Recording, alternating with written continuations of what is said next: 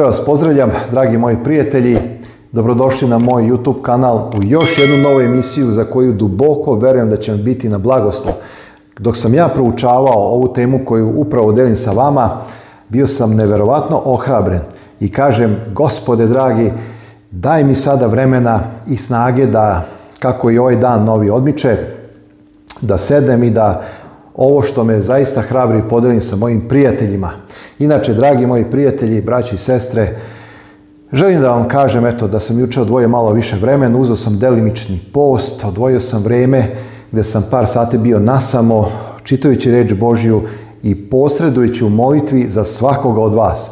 Molim se za vas, da istina koju primate u srce, tu čistu biblijsku istinu, ne zarobe želje ovoga sveta, a danas ću govoriti o osnazite želje, i da se taj blagoslov poznanja Hrista i njegovog predivnog karaktera ljubavi proširi na sve mile i drage sa kojima živite i da se tako propovede evanđelje i da ono uzima svoj deo, da nađe mjesto u našim srcima kako bi se spasili. Naime, ovih dana i nekoliko dana unazad u razgovorima sa nekim mojim prijateljima, čak koji su i daleko u inostranstvu, neki u Australiji, neki u Americi i tako dalje, razumeo sam da se nešto dešava u narodu, da dolazi do nekog probuđenja, da ljudi sve više i više tragaju za tim čistim, izvornim, biblijskim evanđeljem koje nije zatrovano određenim filozofijama ovoga sveta i određenim uticajem paganstva koje se uvuklo u hrišćanstvo kroz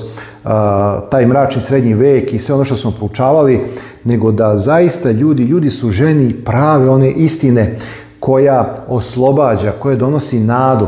Mi živimo zaista u jedno čudno vrijeme gdje prosto čovjek je zbunjen zato što nema dovoljno informacija i sve ono što čuje stvara u njemu određenu zemlju i strah od te sutrašnjice. A dragi moji, Isus je obećao da je s nama. Isus je rekao, ja sam put istine i život. Isus je rekao da je u sve vrijeme do svršetka veka, do samog kraja ovoga sveta sa nama i da će ponovo doći po nas. I da nas nikada neće zaboraviti, da nas nikada neće ostaviti. Ono što može u najgorem slučaju da se desi jeste da čovek okrene leđa Bogu. Ali Bog nikada neće okrenuti. On je vjeran svome zavetu i on će svoj zavet ispuniti do kraja.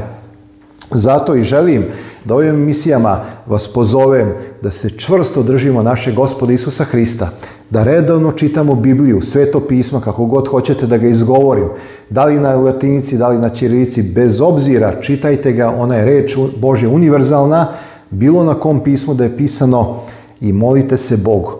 Budite često u Božoj prisutnosti poniznog srca. Kažite, oče moj nebeski, dozim pred tebe nemoćan, da bilo šta promenim, da bilo šta učinim, u potpunosti, u potpunosti se osanjam na tebe, na tvoju silu, na duha svetoga, molim te, menjaj me, daj mi snage, učini da imam zdrav um, da mogu razlučiti istinu od laži i da mogu razumjeti reč tvoju. I verujte mi, desit će se, dešavat će se velike stvari u vašem životu. Bog nebeski jedva čeka da čuje takvu molitu.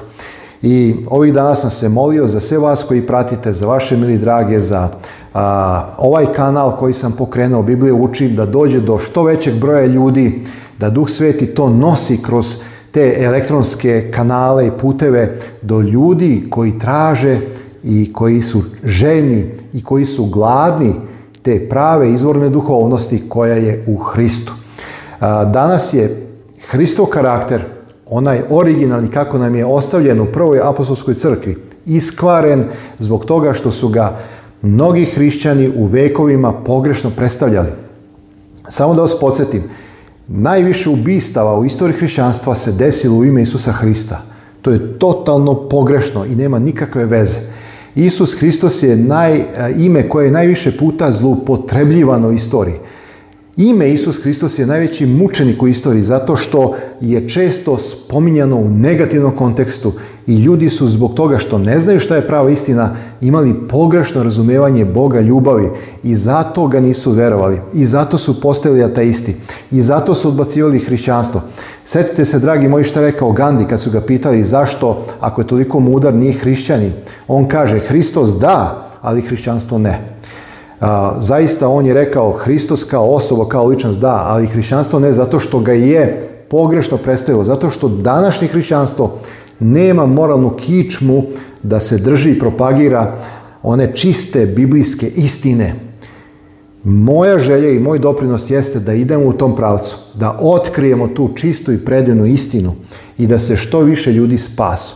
Nijedna crkva ne može da spasi čoveka. Isus je kao osoba spasenje i on nas uči putu spasenja i on nam je obezbedio spasenje. Isus je sve u svemu, on je centar plana spasenja i on je na lično Svetoga pisma. Svi starozavetni tekstovi i ono što čitamo u Novom Zavetu je usmereno da otkrije spasenje i to jagnje koje je dalo svoj život da bi mi imali život večni. Evo, u tom pravcu želim da sve idu naše emisije i sada bih želio da ukažem na snagu želje koja će proći, ali ne smemo dozvoliti da nas ona obuzme, jer ako nas ona obuzme, definitivno ćemo završiti neslavno, bit ćemo upropašćeni. Ako razmišljate o jevrejima poslanici, sećate se u 11. poglavlju da smo rekli u prvom stihu da se nalazi definicija vere, a onda kasnije apostol Pavle nabraja sve velikane vere, i za, sa, pravom, sa pravom ih nabraja zato što su oni pobedili želje ovoga sveta, oduprli su se toj snazi želje koje je u duhu ovoga sveta i nisu dozvolili da budu upropašćeni. Recimo, tu je spomenjen Noe, Enoh, Avram, Sara, Isak, Jakov i mnogi drugi Mojsije. I onda u Jevrejima 11. poglavlju 16. stihu apostol Pavle kaže ali sada bolje žele, to jest nebesko. Zato što su odlučili da žele ono bolje, ono nebesko, ono večno, uspeli su da nadladaju želje ovoga sveta. Grešne želje, želje telesne, želje ovoga sveta koje napadaju dušu i potapaju čovjeka i vode ga u propast. Naime, ne postoji čovjek koji nije osjetio snagu želje. Jer želje su energije, snage koje nas pokreću da radimo nešto ili da nešto ne radimo. Znate, i kada čovjek ima neku snažnu želju i ako želi da se odupre toj želji, prosto u određenim trenucima to postaje nemoguće. Zato što je snaga želje povezana sa duhom ovoga sveta i povezana je sa silom greha. Čovjek sam, ako se oslanja na samoga sebe, ne može da se odupre ovoj sili koja je prisutna u svakome od nas. O tome ćemo kasnije nešto reći. ajde da čisto samo vas uputim zbog vremena, neću čitati, ali kad imate vremena otvorite Novi Zavet Rimljanima poslanicu 7. poglavlje i čitajte od 7 do 11, 14. stih, 22. i od 23. do 25. Apostol Pavle jadikuje u sedmom poglavlju i kaže ja nesrećan čovjek ko će me osloboditi od smrti te ovoga i tako dalje, zato što vidi jednu snažnu želju, vidi jedan snažan zakon, zakon greha, koji ga porobljava i onemogućava da ispuni volju Božju. Kaže, on je prisutan u mojim udovima, on teče kroz moje vene i kaže apostol Pavle, ja nesrećen čovjek. I onda E, daje rješenje u Rimljanima 8 poglavlju i kaže sada vidim jedan drugi zakon, a to je zakon duha koji me oslobađa od zakona greha. Drugim rečima, samo zakon duha može da pobedi zakon greha. Zakon se pobeđuje zakonom. Znači, zakon duha koji je u Isusu Hristu pobeđuje zakon greha. ili silu greha, kao što govori apostol a, Pava.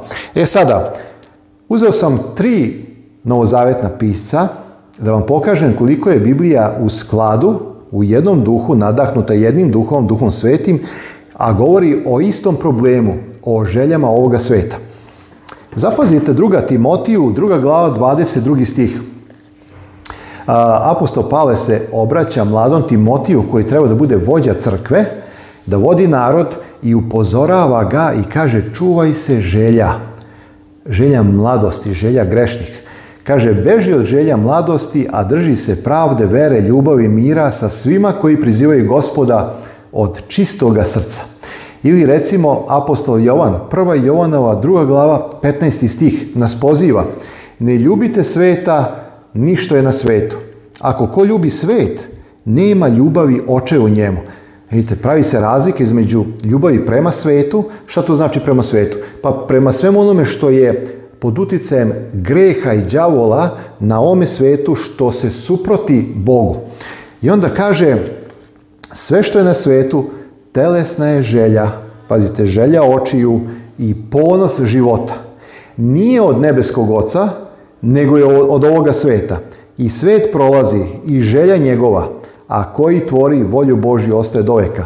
Zato sam deo ovog teksta stavio u sam naslov. Ovaj svet prolazi i želja njegova. A na suprotnoj strani kaže koji tvori volju Božju ostaje doveka. Vidite, volja Božja, ono što je istinito u Bogu našem, u Isusu Hristu, je suprotno željama ovoga sveta. I Isus Hristos je došao i pobedio snagu i silu ovoga sveta. I zato tamo kaže na drugom mjestu da nas je posinio i više nismo robovi greha, nego smo sinovi videla i deca Božja, jer imamo autoritet nad vlastima i upravitelja tame ovoga sveta. Drugim riječima, dragi moji, ako stvarno je Hristos u nama, mi imamo veću silu nego sila koja je sad u svetu. Mi je možemo pobediti jer nam je Hristos to dao. Tu silu i snagu nam je dao. Druga Petrova, prva glava, treći stih kaže Budući da su nam sve božanske sile njegove, evo to je sad ono što, što želim da naglasim, a slaže se s ovim što sam rekao. Kaže, budući da su nam sve sile božanske njegove, koje trebaju ka životu i pobožnosti, darovane poznanjem onoga koji nas poziva slavom i dobrodetelji, kroz koje se nama darovaše časna i prevelika obećanja, i sad zapazite ovo, ovo me izulo iz obuće, da njih radi imate deo u Božoj prirodi. Pazite, ja grešan čovek, ima mogućnost zbog Kriste i njegove blagodati da imam deo u Božoj prirodi ali postoji ono veliko ali. Kondicional, uslov, kaže ako utečete od telesnih želja ovoga sveta. Znači, ne možeš šurovati sa željama ovoga sveta i očekivati da ćeš jednoga dana ili već sada u Hristu imati deo u božanskoj prirodi. Znači, moramo se opredeliti. Ili idemo i služimo željama ovoga sveta, ili idemo za Hristom i služimo njemu i njegovoj svetoj volji da bismo imali delo u, ovome, u Božoj prirodi. Kaže, vraćam se na onaj tekst koji su darovani poznanjem onoga. A u prethodnoj emisiji smo rekli šta je život večni. Život večni jednako je poznanje Boga, njegove volje, Isusa Hrista. To je život večni. I ovdje kaže poznanjem onoga. Vidite kako se Biblija uvijek... Zato je bitno uzeti više tekstova od različitih autora, ako želimo da razumemo određenu temu, jer onda dobijamo kompletniju, potpuniju sliku i tako dalje. Ne možemo uzeti jedan ili dva teksta, kao što meni neko u komentarima kaže, aha, ovdje kaže ovako. I sada pokušava na osnovu jednog teksta da pobije svih možda 15-20 tekstova koji govore, ne znam, o nekoj temi i tako dalje. Pa ne možemo uzeti jedan tekst, iščupati ga iz njegovog konteksta i kazati, a vidi, ovdje piše ovako. Mislim, čim ste ga izvadili iz konteksta, vi ste već njemu utkali neko vaše značenje, nametnuli neku vašu volju i niste dozvolili da sam tekst kaže ono što hoće da kaže. Zato moramo uzeti ne samo kontekst, cijelo poglavlje, više poglavlja, nego moramo uzeti i druge tekstove koji govore o jednoj temi. To sam više puta napominjao, ali evo i sada da shvatimo koliko može biti opasno i koliko možemo zloupotrebiti značenje biblijskog teksta ako mu namećemo naše mišljenje. Idemo dalje. Prvo Petrova, druga glava, 11. stih kaže Ljubazni, molim vas kao došljake goste da se čuvate od telesnih želja koje vojuju ili napadaju dušu. Vidite, uvijek je to nešto što ide protiv čoveka. I apostol Pavle u Titu, poslanici drugoj glavi 11. stihu kaže Inače, ovo je, ovo je tekst koji mnogo volim, koji je tako istinit i tako moćan. Kaže, jer se pokaza blagodat Božja koja je spasala sve ljude. Učeći nas, vidite, blagodat Božja nas nešto uči. A blagodat Božja je otkrivena u životu, žrtvi i spasenju Isusu Hristu. I kaže, učeći nas da se odreknemo bezbožnosti i želja ovoga sveta i da pošteno i pravedno i pobožno poživimo na ovome svetu čekajući blaženu nadu i javljanje slave velikog Boga i spasa našega Isusa Hrista. Vidite, da Bože kaže, otreznite se, shvatite da je ovaj svet opasna teritorija, da duh ovoga sveta sa njegovim željama učinit će sve da vas uništi. Blagodat Bože nas uči da ima jedan bolji svet, da ima jedan bolji put, da je istina u Isusu Hristu i da se odreknemo. Postoji, dragi moji, jedan problem, a to je što mnogi ljudi misle da će im nešto nedostajati, a to je varka. To što vam kucka u glavu i kada vam dolaze te stvari, te misli, znajte da vas đavo laže. I mene je lagao pre nego što sam odlučio da se predam totalno Bogu. Govorio mi je, e, moj Zoki, ostavit ćete mnogi prijatelji, nećeš imat nikoga, nećeš biti nikad bogat, nećeš imat para, nećeš moći više da treniraš, e, ovo i ono, ne znam šta mi je sve dolazilo. Ljudi će te nazivati svakakim imenima, nećeš smeti ovo, nećeš smeti ono, nećeš smeti ovo i tako dalje. Lukav je đavo, dragi moj. Međutim, ja sam rekao, gospode, ako si ti ljubav, ako si me ti otkupio i dao toliko obećanja, onda ovo mora da je laž, jer ti nudiš nešto mnogo bolje. I kada sam rekao, gospode, ispuni život moj. Ja sam o tim mojim iskustvima a, govorio, imate playlistu, da sad ne prepričavam, i tamo u playlisti sam govorio kako sam se obratio Bogu i kako me je Bog vodio i razne iskustva sam tu prepričao. Playlista Koraci prema Hristu, tako se zove. I onda sam rekao, gospode moj Isuse Hriste, ako hoćeš, možeš me osloboditi. Predajem ti svoj život u tvoje ruke. I tada sam osjetio toplotu koja se spušta iz moje lice, iz moje telo i tada sam osjetio slobodu i nevjerojatnu radost. I onda sam i iskustveno, i iskustveno shvatio koliko je đavo lagao. I rekao sam to u nekim prošlim emisijama. 20 godina je već, dragi moji, prošlo. Ni jedan dan, ma ne dan, sat, nisam osjetio da mi nešto nedostaje. Šta više, ispunjen mi je život i sa Hristom sam dobio sve ništa mi više ne nedostaje u ovome svetu. Čak više, e, mnogo toga me smara. jedva čekam da gospod Isus osnoje svoje carstvo. E sada, ono što je ključno jeste, ako već ostavljamo, moramo težiti za nečim drugim. Mi želimo ono bolje. Oni koji su pobrojani kao heroji vere, oni su bolje želeli. Oni su a, čeznuli za onim što je Bog spremio. Oni su čeznuli za onim što je Bog obećao. Oni su čeznuli za onim nebeskim gradom. Oni se nisu usidrili u zemaljskim gradovima. Evo recimo samo jedan primjer jednog od heroja vere koji je pobrojan u Jevrejima 11. jeste Mojsije. Iako je Mojsije imao ponudu bogatstva koje je poticao iz moći egipatske države, čezno je za većim bogatstvom. Koliko bi ljudi želilo da se nazovu sinovima i kćerima nekog običnog vladara? a Mojsije koji je bio na vrhuncu moći nije želio da se nazove sin e, faraona, nego je više volio da srada sa svojim narodom. Obavezno pročitajte Evrejima 11. poglavlje, da sada ne čitam ja sve tekstove, ali samo vam navodim i ubacujem u misli ideje koje treba da zapazite e, dok budete vi sami čitali ove tekstove.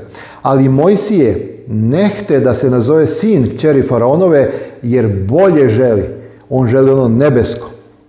Sa druge strane, apostol Pavle podsjeća na Dimasa, kome je omilio svet, koji je bio dostupan njegovim čulima i koji ga je odvuko. Dimas, to je sada jedno samo kratko objašnjenje, bio je pomoćnik apostola Pavla, Pavle mu je predao istinu, predao mu je evanđelje, dao mu je službe, međutim, utice ovoga sveta, želje tela, želje očiju, pona života ga je povukao i Dimas je otišao od Hrista. To bolje za čime su žudeli velikani vere i pobožnosti je veće bogatstvo, vrednije od svog ovozemajskog, a to je ono nebesko, ono što čekamo. Zato Pavle kaže u Jevrejima 11.1, vera je pak tvrdo čekanje onoga čemu se nadamo i dokazivanje onog što još nismo vidjeli, onog što ne vidimo. A mi verom to prihvatamo i čekamo. A sada bolje žele, dragi moji, kušač, će mnogo puta nastojati da iskoristi svoju silu, silu greha, silu ovozemajske želje, da anulira ono što je nebesko i da pokuša da nas otrgne i da nas vrati. Tvoja i moja borba svakoga dana se svodi na tome da ostanemo na Hristovi strani. Kada večeras legneš i pomoliš se Bogu i zahvališ se Bogu, ti si završio svoju borbu. Ujutru kada ustaneš, borba se nastavlja. Đavo će doći ponovo i pokušati da te udari tamo gdje si najslabiji, da bi te odvojio od Hrista i od spasenja. I evo za kraj, dragi moji, jedna lepa poruka. Čitamo prvi tekst u Rimljanima 13. poglavlju, a drugi ćemo čitati u Galatima 5. poglavlju. Zapazite, Rimljanima 13. poglavlje od 11 do 14. A znajući ovo vrijeme da je već čas došao, da ustanemo od sna, jer nam je sada bliže spasenje nego i kad verovasmo. smo. Noć prođe i dan se približi, da odbacimo dakle sva dela tamni, da se obučemo oružje videla, da hodamo pošteno kao po danu, ne u žderanju, ne u pijanstvu, ne u kurvarstvu, ne u čistoti, ne u svađenju zavisti, nego se obucite u gospoda našeg Isusa Hrista i telu, zapazite, i telu, nemojte ugađati po željama. Apostol Pavle kaže, nemojte živjeti kao grešnici, nositi ime hrišćanin, a živjeti po želju ovoga sveta. Nemojte telu gađati, Neka jednostavno e, sila Božja vas oslobodi od toga. A kako se to dešava? Kaže dalje Pavle u Galatima, peto poglavlje, 20 i e, stih, ali dozvolite da pročitam 16.